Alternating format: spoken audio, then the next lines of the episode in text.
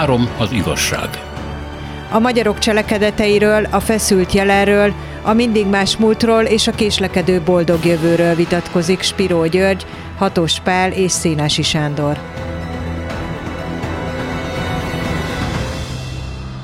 Üdvözlet az uraknak! Többször beszéltünk, többször került elő már Móri Zsigmond alakja, és úgy gondolom, hogy érdemes egy egész beszélgetést szentelni neki. E, én most onnan fognám meg ezt a dolgot, aztán ti majd eldöntitek, hogy honnan indultok, hogy e, amikor megkapja a keletnéme, keletnépe szerkesztését, ő ugye, aki korábban a nyugat egyik szerkesztője volt Babicsal, az egy elég szép út, ez talán 1939, ugye, amikor a népi írók fejének nevezik ki, és arra gondoltam, hogy Na de hát mindenfajta ilyen embert, aki fejnek, vezetőnek, stb. stb. számít, a magyar történelem előbb-utóbb a különféle rezsimek elkezdik használni. És Móricz Zsigmond soha nem kerül elő. És a, a horti rendszer nem szereti, mert a tanácsköztársaság írói e, micsodájában, e, direktóriumában tag volt, akkor ott mellőzték a különféle társaságokból, aztán jött a, ugye a Rákosi rendszer, nem nagyon került elő a neve, a Lobogó Petőfi. Jó, bocsánat, csak most én a tévutaimat mondom, és aztán tegyetek helyre. És később se éreztem azt, hogy Morizból megpróbálnak valamilyen igazi népi e, e, alakot faragni, még a népi írók sem. Tehát ott elsősorban, aki előkerült, azok a 30-as évek írói voltak, illetve később így is lett a, a zászlóvivő. Na akkor itt tartanak a, a téveigéseim, tessék helyre rakni.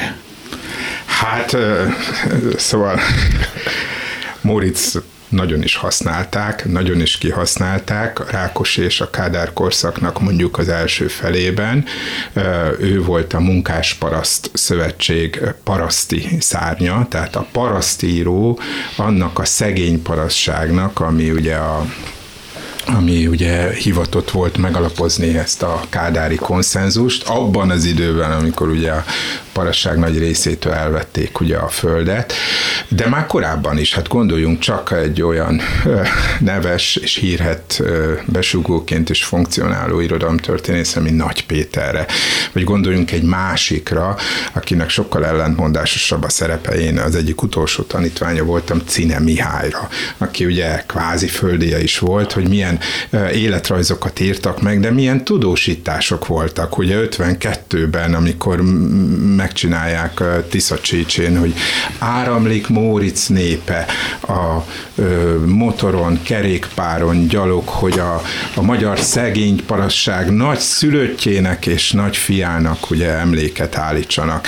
És hát ugye, hát Mórica semmi sem stimmel, ugye maga hamisította, mitologizálta a születése időpontját, de hát ugye azt is, hogy hol született. Ugye Tisza Csécsén kineveztek egy kicsi házikót, ahol ugye nem született, mert abba a házba, amivel született, pontosan az 50-es években egy kulák lakott, és hát Móri Zsigmondot megtenni kuláknak mégsem lehetett volna.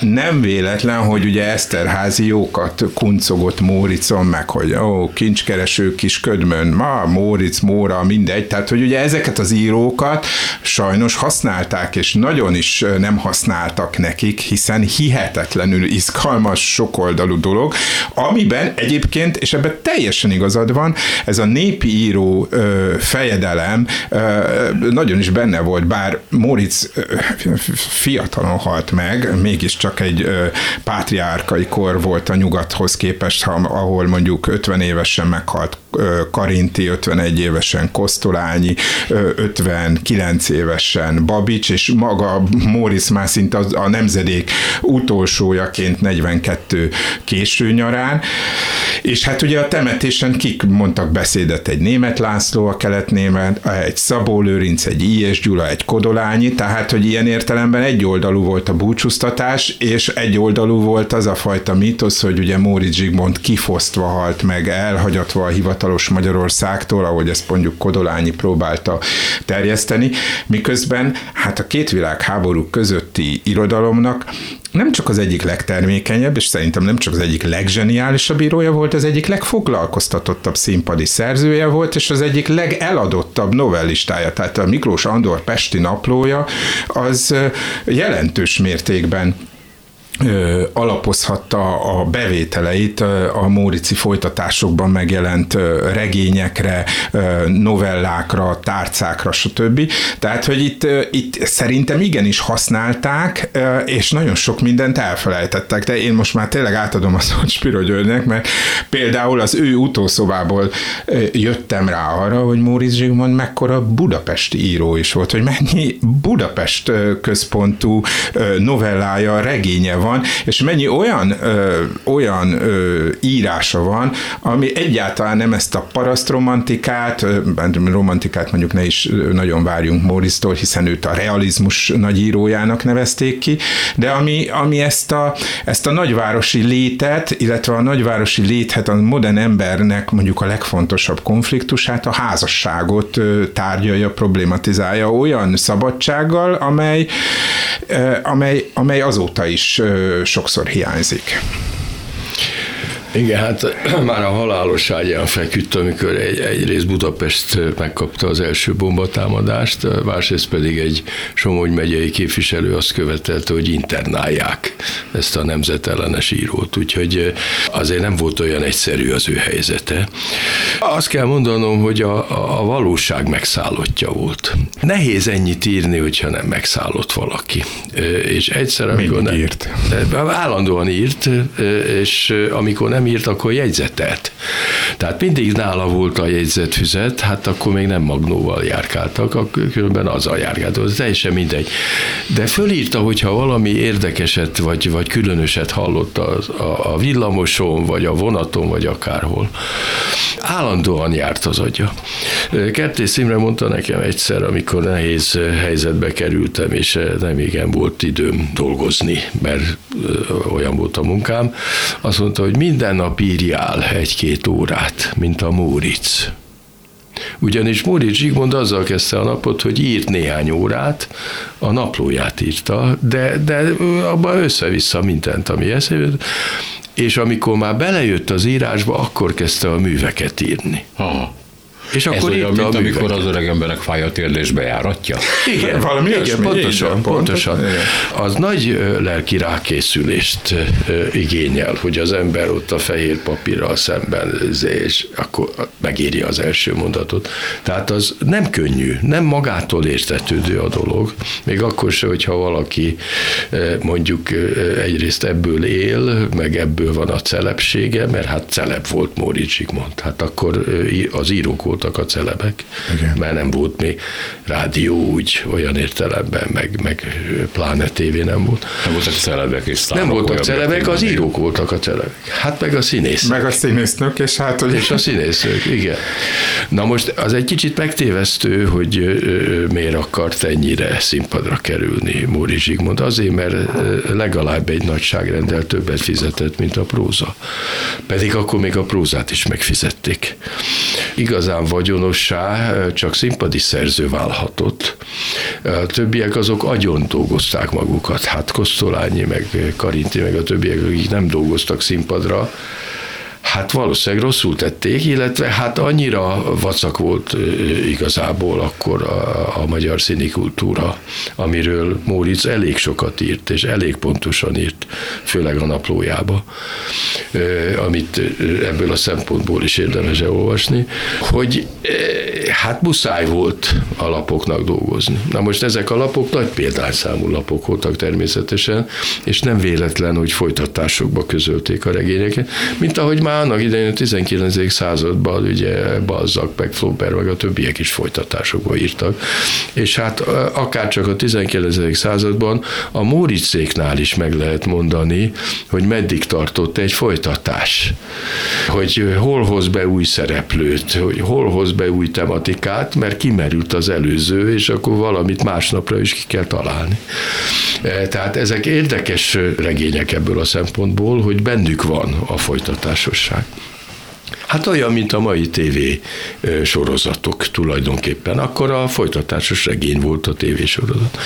Na most elképesztő nagy író volt, és, és nem csak azért, mert mondjuk az életében már eleve a családban nagyon sok rokonnal találkozhatott gyerekként, mindent megírta természetesen, mindent megírt, mindenkit megírt, akivel találkozott, hanem azért, mert szenvedélyesen érdekelte, ami az emberekben van.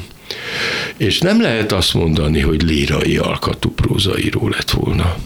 Nem őt maga a dolog érdekelte.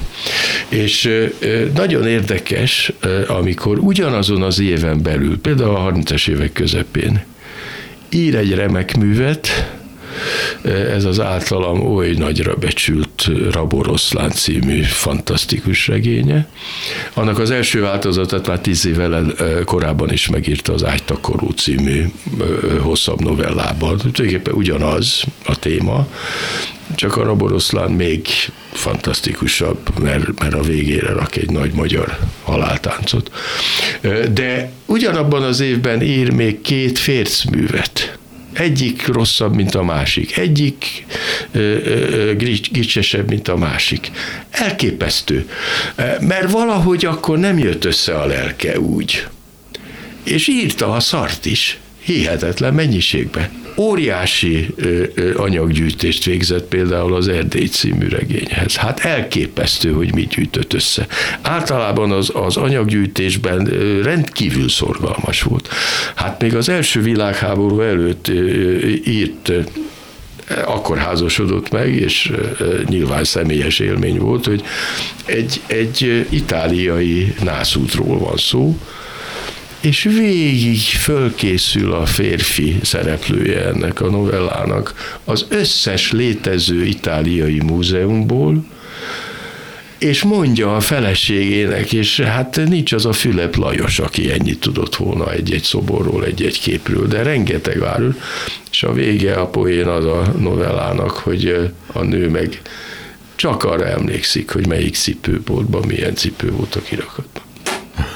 Na most hát ebből lehet látni, hogy hát mondjuk ez a házasság is halára van ítélve azonnal, és nem tudom, mit szólt hozzá Janka, hát nyilván olvastam.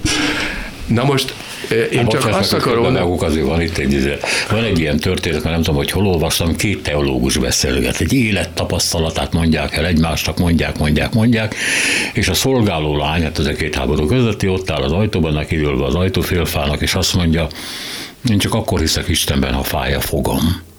És azt írja az egyik teológus, egy visszaemlékezés, hogy egész hosszú pályafutásomból csak erre az egy mondatra emlékezem, mert ez igazi.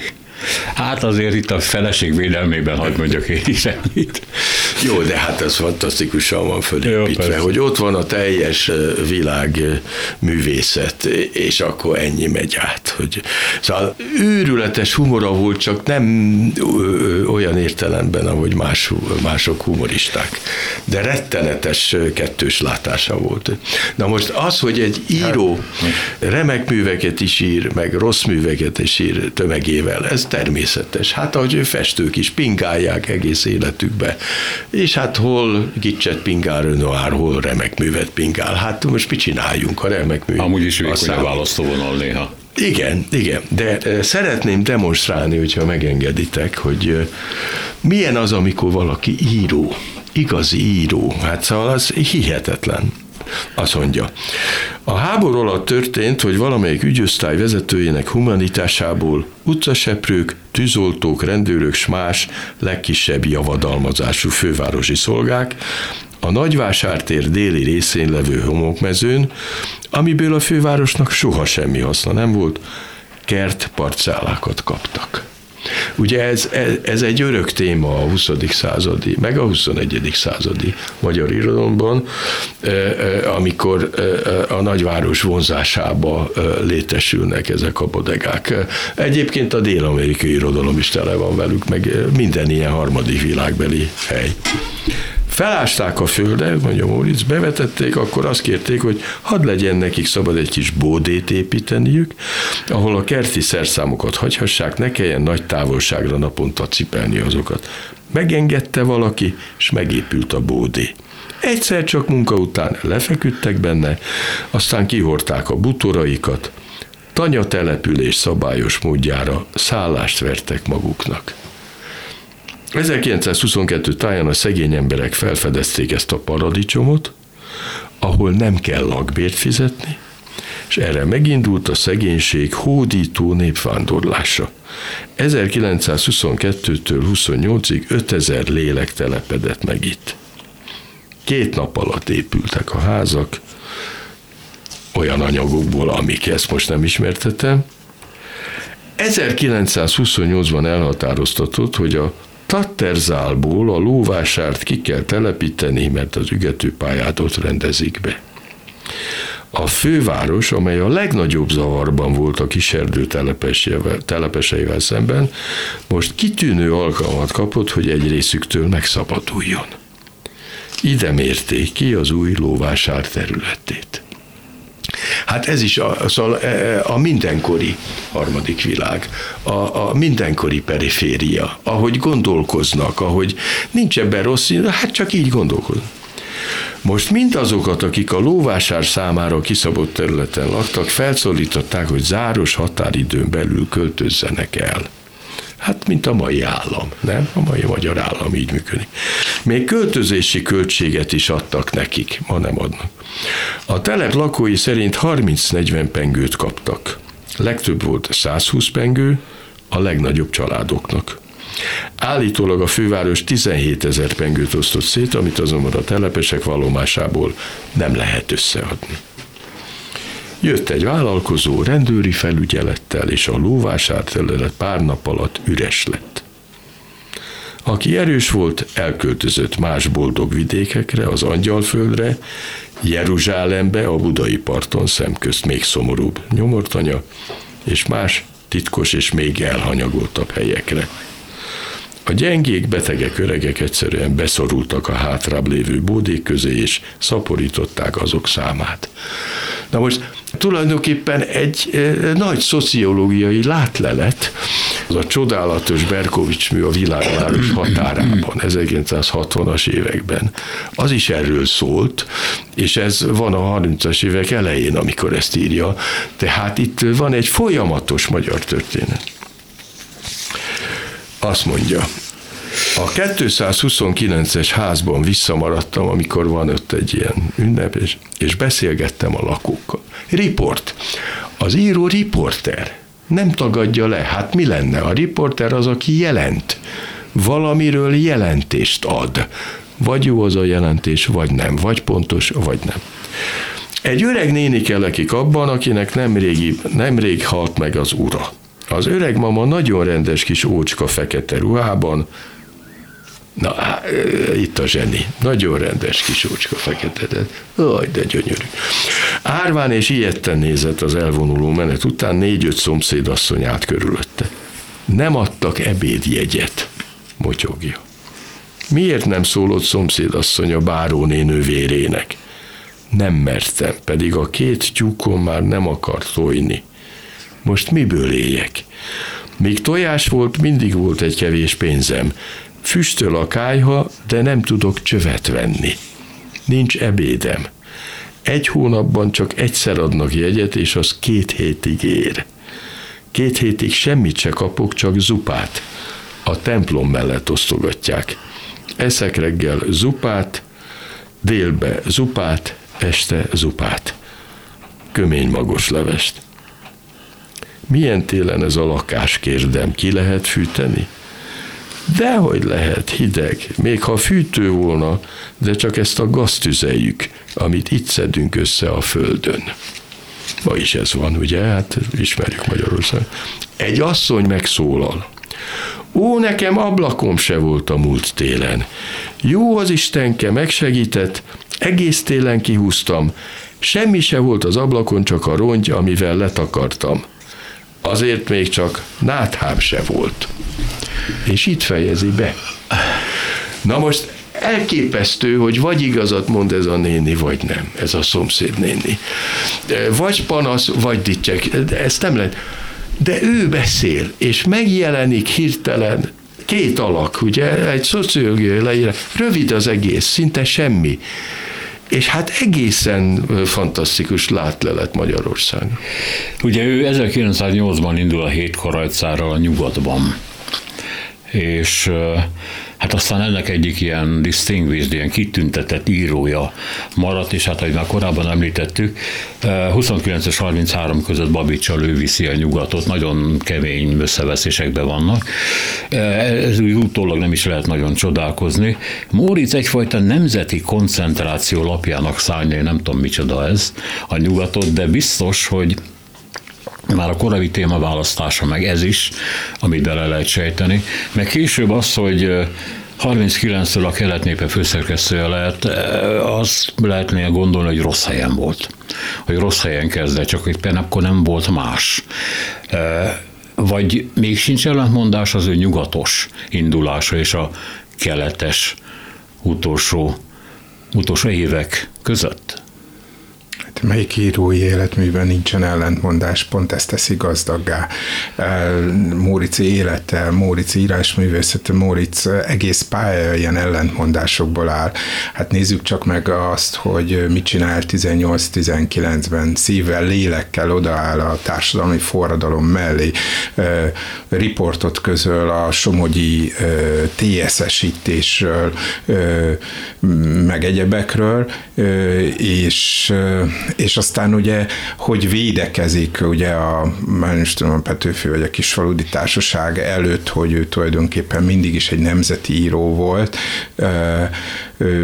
aztán, aztán, aztán az egészet megírja, ugye Magos Olgának, ugye az egyik szerelmének írt leveléből tudjuk, hogy a Légyó, mint halálig a talán legismertebb, mivel kötelező irodalmát tett mű, az az, az igazából az ő félreértettsége, az ő megalázottsága, és, és hogy tulajdonképpen az ő 18-19-es története. Szerintem ő olyan szuverén alkotó, és olyan gazdag, és olyan sokoldalú, hogy ennek, hogy ő, ő utólag mából visszanézve, hogy ő hol indult és hol végezte, annak túl nagy jelentősége nincsen, mert, mert ahogy itt most Spiro György felolvasta, tehát egyszerűen érezzük, tehát, hogy ha ebből semmi nem lenne igaz, ha nem, nem, nem lett volna meg ez, ez mint riport, akkor is a valóságnak olyan plastikusságával tárul elénk a szegénység, a kiszolgáltatottság, és ehhez a kiszolgáltatottsághoz mért szellemi, vagy akár anyagi igények leszállítása. Tehát pont az, ami egyébként megcsap minket azzal, hogy, hogy mennyire, mennyire szembesít, és mennyire nem idealizál sem paraszti világot, sem, sem egyéni magatartásokat. Hát ez meg egy városi és a saját, és, és, és, és, hát ne felejtsük el, ugye beszéltél itt a teológusokról, Móricz teológusnak indul, kétszer iratkozik be a Pesti Református teológiára, tehát hogy neki van egy ilyen útja is, és már nézzük meg, hogy a sárarany is hogy végződik. Tehát, hogy, hogy ki a felelős azért, hogy ugye sárban, nem is tudom, hogy van a, a befejező mondat, az Isten a felelős. Tehát, hogy, hogy perben haragban áll az Istennel, perben haraggal áll a magyar társadalommal, perben haraggal áll igazából ugye zsidó kérdés kapcsán írja, hogy neki is volt zsidó kérdése, őt is ugye kirekesztette a falusi társadalom a, ugye a, a, az egyéb ügyekbe, és egyébként megírja az igazi kirekesztés, ugye a kivilágos kivirattékban, ott van a Pogány Imre, és megírja azt, hogy hogyan generálódik ez az egész kirekesztő dolog, hogyan konstruáljuk meg a zsidót. Ugye ott van a, a legátus, aki nem tudja, föltűnik, hogy egy picit más ez a fickó, de nem tudja, hogy ez zsidó, és hogy ezért kéne azt gondolni róla, mindazt a rosszat, amit ugye az úri társaság gondol, és kegyetlen, és egyébként riporteri alapossággal ezt ugye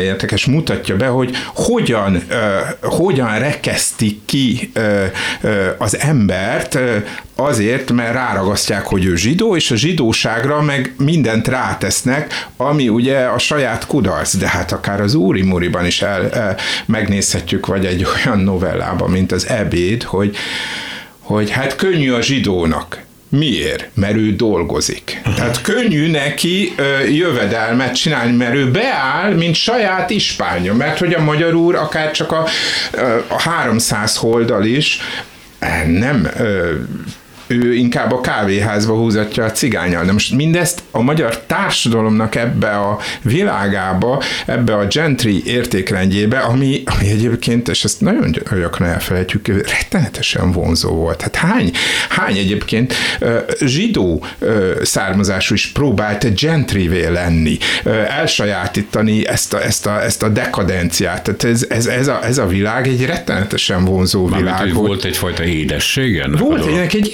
édessége, a kávézás, a kávéház, a tükrök belövése, a párbaj képesség, a nem tudom én micsoda. Senki sem szembesít ezzel kegyetlenebbül minket, mint, mint, mint Móricz, aki ugye ebből az egészből kívül is áll, meg belül is áll, és azt is mondja, és hát nagyon érdekes, hogy, hogy mindezt megírja, de ha megnézzük a magánéletét, van egy, van egy, van egy számomra borzalmas levele a Magos Olgának, ahol azt írja, hát már kicsit hazug módon, mert ugye őt is füzögeti az ujjak köré, ott van a Simonyi Mária is, aztán még vannak mások is, és, és megírja, hogy hát ő neki most azért nem ért a Magos Olgának, mert a rettenetes felfedezést tett hát kiderült, hogy az apja nem egy büdös paraszt, ugye így szólította, hogy a második felesége Simonyi Mária, de csak viccesen, meg, meg, hanem hogy nemes volt. És ezt oldalakon keresztül nyomja. És akkor az ember elolvassa ezt a levelet, és azt gondolja, hogy hát ez egy milyen önáltató, illúziórikus író, aki egyébként viszont olyan, olyan éles tükörképet tesz a magyar társadalom és az olvasói elé, amelyet kevesen tudtak, és főleg kevesen ilyen nyelvi nyelvi erővel megcselekedni. Hát számomra továbbra is, tehát most készültem a műsorra, elolvastam az Úri Murit, hát beleremegtem, meg elolvastam az ebédet, beleremegtem. Arról nem is beszélve, hogy a mi családunkban például ugye a tragédia, ugye ez a kis János, kieszem a vagyonából. Nekem bármilyen ö, dolog, ami, amikor ugye illuzórikusan azt gondoljuk, hogy valamit megbosszuljuk, az, az egész létezésünket megbosszuljuk. Ez, ez nem, nem pusztán értelmezhető az, hogy ugye a szegény paraszt elmegy a, a nagygazdához, hogy na most kieszi, mint egy buta ö, bosszú, és értelmezhető úgy is, mint ugye ennek a ennek a nagyon tagolt paraszti társadalomnak, ennek a nagyon tagolt, rideg, hierarchikus berendezkedési magyar társadalomnak a, a kritikája. De értelmezhető úgy is, hogy mennyire, mennyire illúziókba vagyunk képesek a haragunkban élni. Mi az, amiért őt a 39-es, a 30-as évek végén írófejedelemnek, a népirodalom fejének, vagy népi mozgalom fejének tartották? Ugye a népi mozgalom a 30-as évek elején indul el, amennyire én ezt látom, a 30-as év, 30-as év eleje egészen pontosan, és addig nem volt neve ennek a szárnak talán, vagy nem volt kimondva igazából, hogy ez micsoda.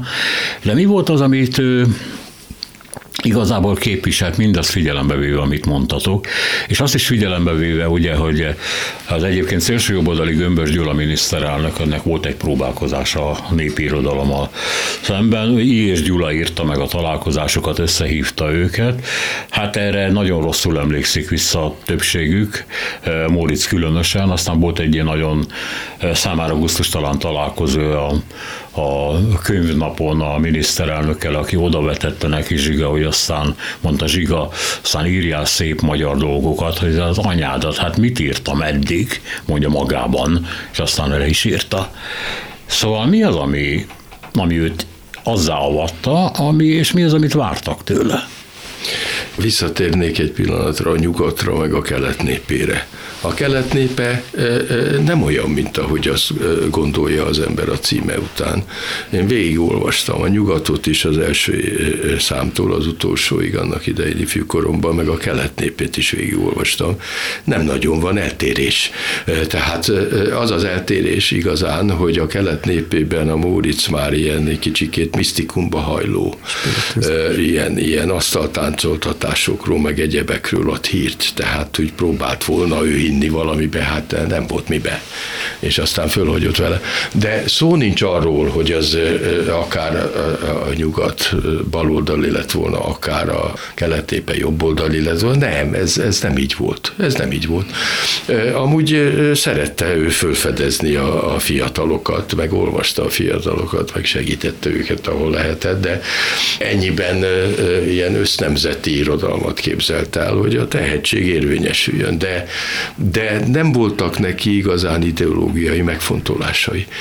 Ő dramatikus, ő drámaian látott, hát az nagy baj nagy baj egy kiszolgáltatott és szegény országban, hogyha valaki drámaian lát, mert akkor meglátja a tragédiát, és ábrázolja, és ilyen országokban nagyon utálják a tragikus szemléletet.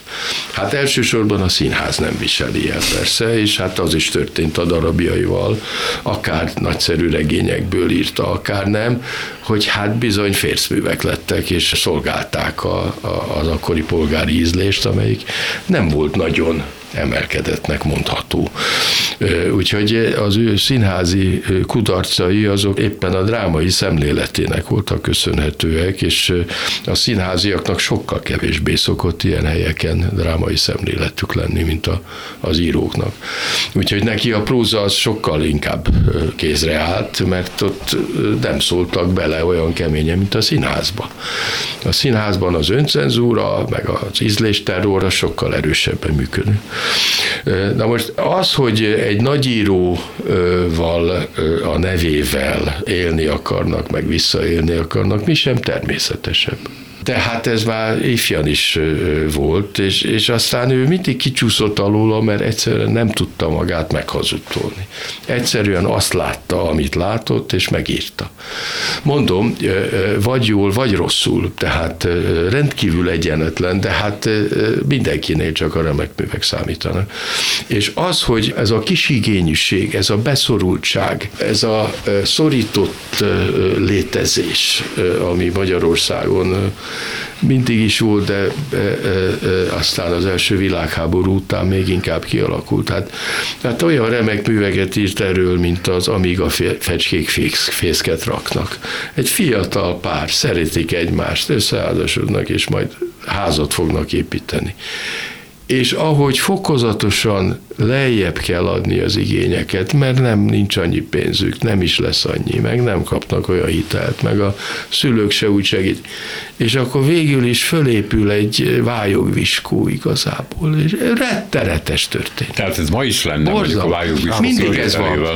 Mindig. Én csak annyit mondok, hogy amit Móricz Zsigmond észrevett ebből a magyar életből, volt, amit romantizált azért, mert a Barbárok című novelláját én abszolút elibázottnak, és hát, hogy mondjam, és üresnek tartom, meg van még néhány ilyen nagy híres műve, de ami az igazán az, a, neki az élménye volt, az az a Magyarország, ami nekünk is az élményünk, ami nem tudott ezeken a dolgokon se így, se úgy tovább, tovább lendülni.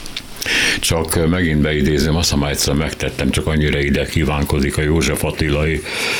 Két sor, ez a kis szobában kis parasztok pipáznak, de harasztott, tehát ez az alacsony szemöldök alatt élő ország, ugye főleg Trianon után, mert addig hát volt egy kiterjedettség, tenger, ez az a majön, nem mindenkinek, de hát utána meg csak ez lett, és ha Móricznak a kisvárosi regényeit vesszük, és azokat a borzalmas házasságokat, akkor engem ez, aki szintén egy kisvárosban nőttem föl, és tudom mi az, hogy fulladozni egy kisvárosban, majdnem egy életre eltávolított Mórisztól, mert nem akartam már visszaolvasni azt, amit láttam magam előtt, de ő nagyon pontosan leírta.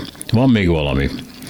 Hogy megjelennek a naplói, nem tudom pontosan mikortól, de nem olyan régóta kezdtek kijönni, 924-től, és ez a naplók, amikről Spiro György azt mondta, hogy hát ezek nem egy rendezett dolgok, hanem villamoson, vonaton írt papírokat, ezeket később aztán összerakta, de nem volt egy naplója, nem volt egy füzete, nem volt egy könyv, ami rendszeresen írt, hanem... Hát ír, gépelte, de, de, de, de gépelte, Igen, de ezek, ez ezek oldalak voltak, amiket később így összerakott. Nem egészen, mert az időrend elég pontosan megállapítható. Értem, hogy ezt megcsinálta.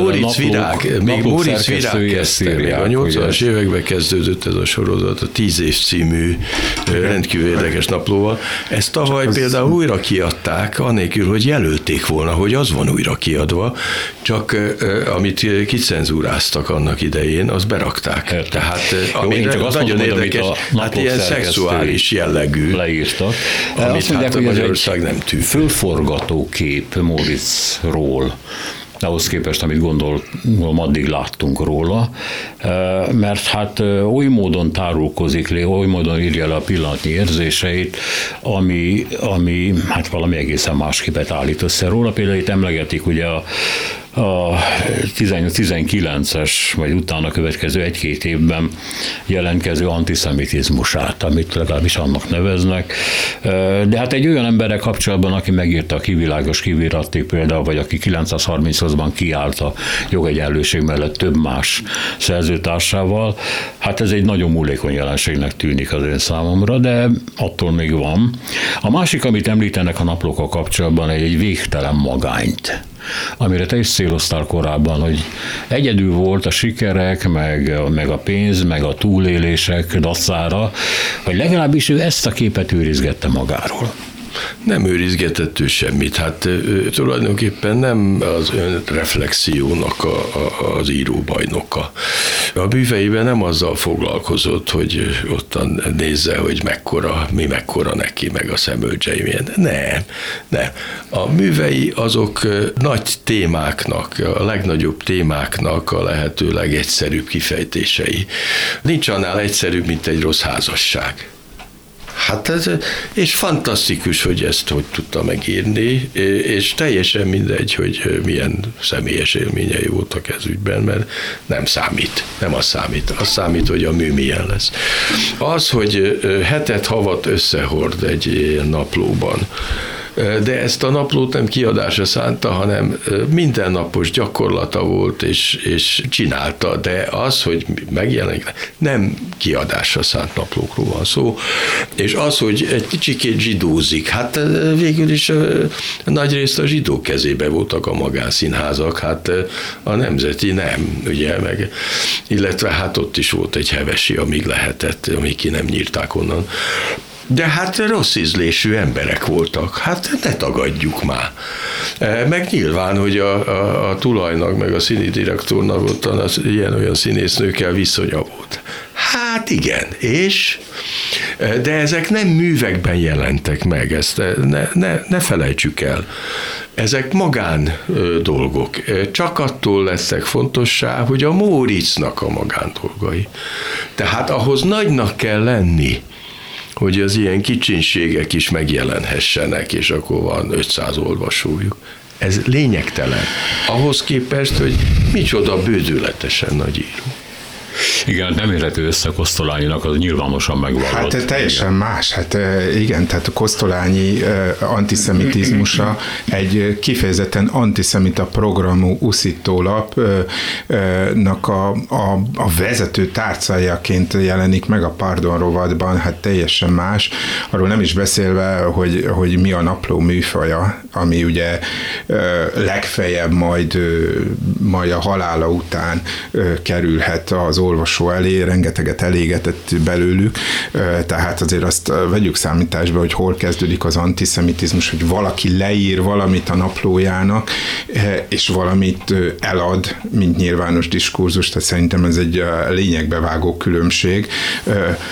Arról nem is beszélve, hogy azért a 20-as évek eleje, tehát elég csak Jászi Oszkár naplóját vagy levelezését kézbe venni. Ott a talmudisták, a zsidópiszok, a nem tudom én mi, ugyanúgy előkerül, sőt még súlyosabban előkerül, de ezek is ugye azért nagy részt a naplónak szóló dolgok. Tehát szerintem az antiszemitizmushoz hozzá tartozik az, hogy ott legyen a szándék, és ott legyen az, hogy ez, ez, ez, ez, ez bekerüljön egy erőtérbe.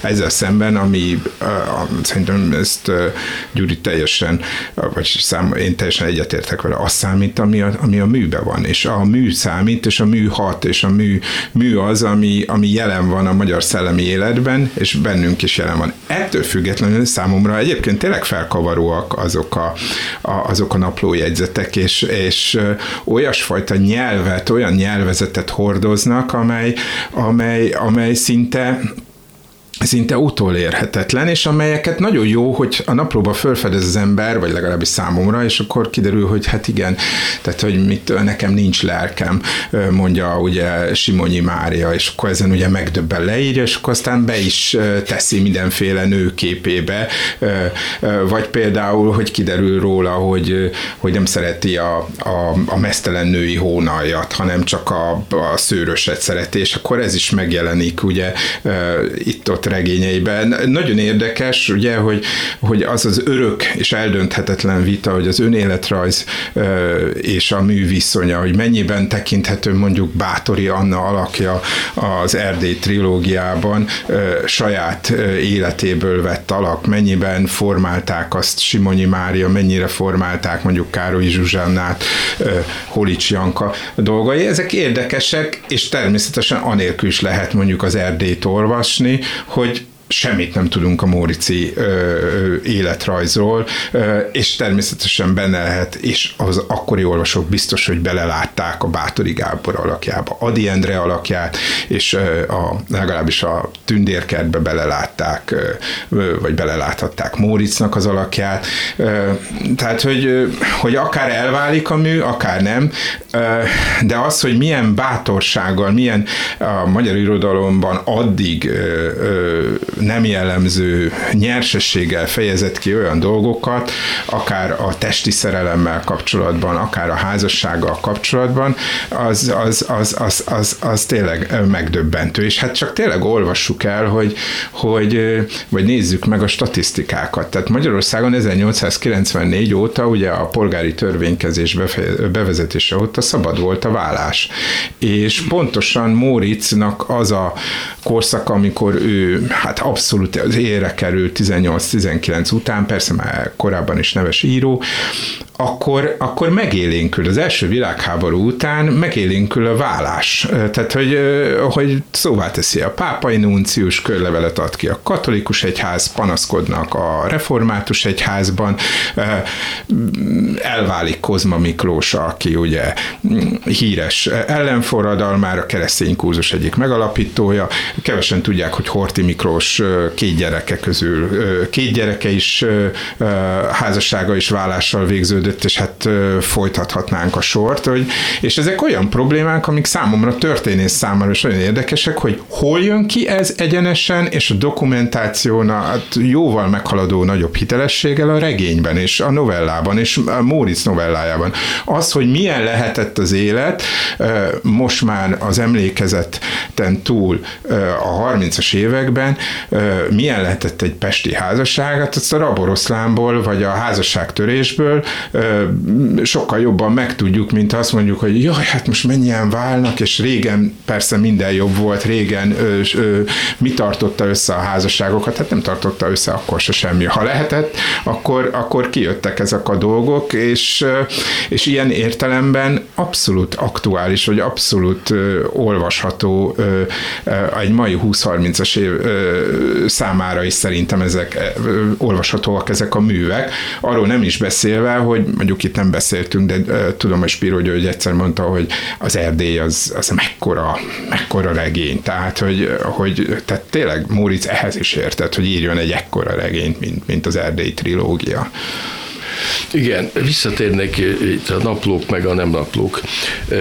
Ugye ebből a post kiadott, tavaly kiadott naplóból kiderül, hogy a sárarany tulajdonképpen a Móricz számára azt jelenti, hogy szararany. Benne van a szövegben, hogy a sár az a szar helyett áll, uh-huh. és a naplóban a szararanynak nevezi. Hogy, hogy, e, e, és ez az ország maga. Igen. Így minősíti, ugye? Hát ez, e, hogy mondjam, lelkileg ez nekünk ismerős. És amikor zsidózik, a legtöbbet akkor zsidózik a naplókban, amikor kétségbeesve regisztrálja, hogy a vidéki ilyen-olyan olvasó, felolvasó körútjain csak a zsidók vannak ott, és magyarok nem jönnek. Ez a leggyakrabb. E, e, e, és hát ez borzasztóan rosszul éri. Megértem. A magyarok nem olvastak már akkor sem. hanem a magyarrá vált és a magyar irodalmat szerető zsidók.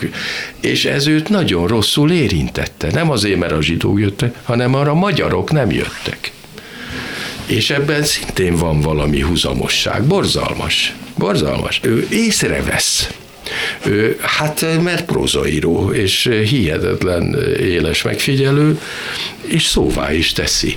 Na most, amit a művekbe tesz, az a lényeges, ugye, az a lényeges, és ahogy szerkeszt, ahogy hihetetlen ökonomikusan tud megnyilvánulni, amikor nagy művet ír, és amikor bőbeszédű lesz, mert keveset tud az anyagról, például a Rózsa Sándorba rendkívül érdekes lenne ezt megnézni, hogy mikor válik bőbeszédűvé, meg, meg locsogóvá egy író, amikor nincs meg a tudása és nem szánja rá az időt. E, és Moritzhoz képest az ő remek művei, amelyek rendkívül nagy számúak, én azt látom, hogy a magyar irodalom rendkívüli módon locsogósá vált azóta. Hát még azt se tudta egyébként, hogy Szeged környékén hogyan őznek. Ez volt az egyik. Emlékszem, gyerekkoromban ment a sorozat, és hát ezt Hódmezővásárhelyen néztem, hát az egész város röhögött, tehát ez valami elképesztő volt. Jó, hát jó, jó, jó okay. az film, az film sorozat, és azért azért ne tegyük nem, nem, nem, hát a is úgy volt, csak még annak sem nézett igazából utána. Tehát valóban az egy el, elnagyolt történet.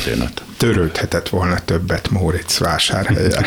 Igen. Nem, ez Szeged környékek. Hát, jó, ráadásul, ráadásul ugye két. De hát mondjuk Debrecenről azért egy egész mitológia van, tehát a pillangó van, és egyébként itt jut eszembe, hogy, hogy azért még Móricz is stilizált, tehát hogy a naplóban benne van az, hogy ugye a, a, egy elkapott párbeszéd egy legény és egy, egy lány között, ami ugye a regénybeli Józsi, hogy tudsz-e bocsánat a kifejezésért, fingani. És ez, ez a regényben már úgy jelenik, hogy tudsz-e köpni. Tehát, hogy, hogy, hogy olyan nyers dolgokat, és akkor ugye a nemi aktus is meg van nevezve az eredeti lejegyzett párbeszédben, mert ő tényleg mindent a valóságból vett, és egyébként tényleg minden stilizált, és történészként gondolkozom el azon, hogy, hogy hogy igen, erre mondaná a történész azt, hogy hát azért nem lehet egy irodalmárt komolyan venni és történeti dokumentumként kezelni azt, amit írt, mert, mert hát ugye ő neki ott a szabadság, az írói szabadság.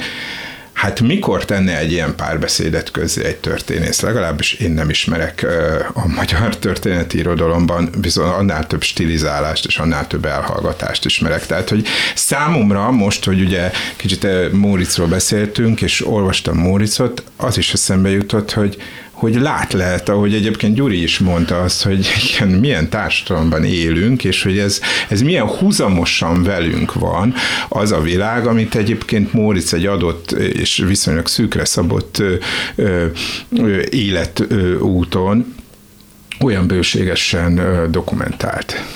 Köszönöm szépen, hogy itt voltatok. Köszönöm Hatos Pálnak, Spíra Györgynek. A műsor Selmec János szerkesztette, a műsorvezető Szénási Sándor volt. Köszönöm a figyelmüket. Minden jót!